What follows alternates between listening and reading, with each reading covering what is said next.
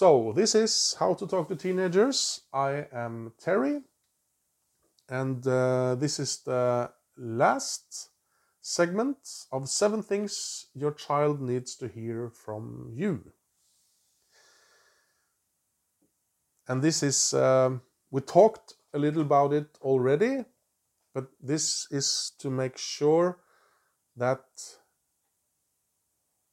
your child gets a good start as possible in life, and that is um, making them aware of that they might have an inner critic voice.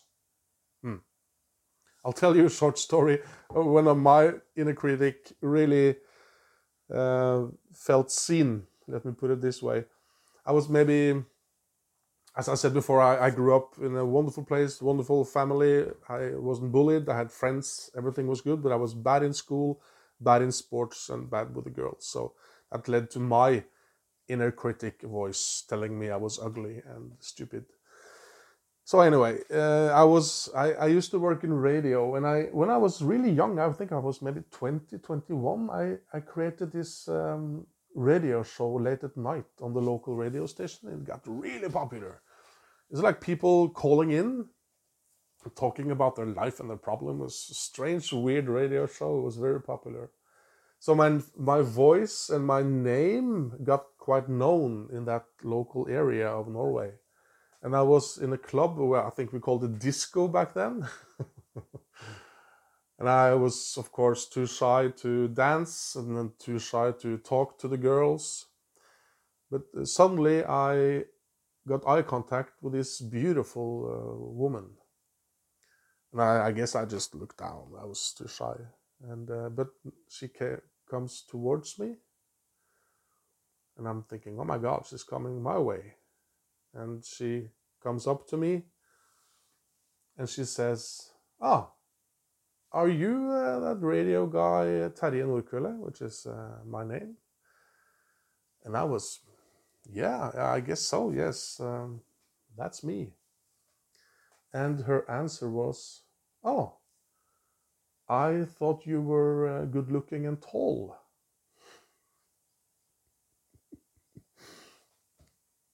and, my, and, and in fact, I, I really, maybe she said it to be cruel. I, maybe, but I, I, I, really, it's more about she was so surprised that she heard this voice on the radio and made up an image in her head.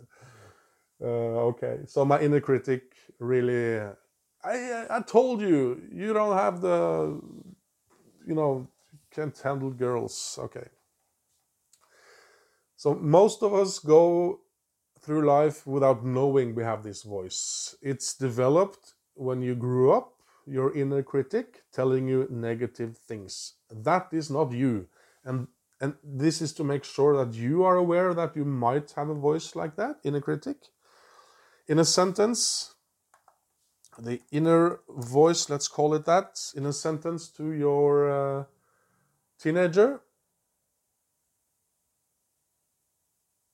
you can say, yeah, I would I would go as far as to say, you know what, 85 85% of us have this inner critic in our heads telling us negative things that we believed when we were children. And uh, it's for many people it stays throughout the whole life. Then people listen to this voice which is going to hold us back right? So I, I just want to let you know that if you feel you have this negative voice that's not you. Tell your kid this. This that's not you. That's something from your earlier years, okay? It's not you. Just that knowledge, this voice is not me, the most important thing. Then you can choose to not hear it, not to listen to it. But if you think that's you, you won't choose it away, you will listen to it.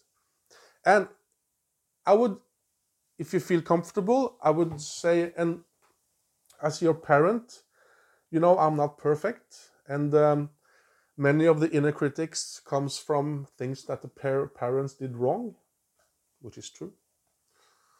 So if i contributed to your inner critic i'm really sorry. And that was not my intention and uh, the, if you have that voice it's lying. Because what often happens is that we take our own inner critic and put them on our kids right? If you if you say you will never achieve that goal if you say something like that to people. What you're actually saying is i don't think i could achieve that goal. Well it's your critic who says that not you but your critic. And when we say to people i don't think you can make it we say i don't think i can make it because and when we push it onto our children right so apologize if you have contributed to this person's inner critic. Really, really, and you, you, you. It's a great way to build a relationship. Going, being so humble. Oh, that's so good. Hmm. Okay, I'm gonna continue making videos and podcasts in this series. Uh, um, I hope you find this valuable. If you do, please subscribe and comment and use my email if you want to give me suggestions on topics on uh, what I can talk about. And please check out my book. I'll link to it uh, down below. Seven Steps. It's it's a really bad title. I'll see it now. Seven Steps to a Positive Change in Your Teenager. It's a bad title, but it's true. okay. So I hope you found this uh, helpful. And the idea is to say these things. Uh, use a week to say seven things or 14 days. Maximum one thing a day. Mm. Thank you very much.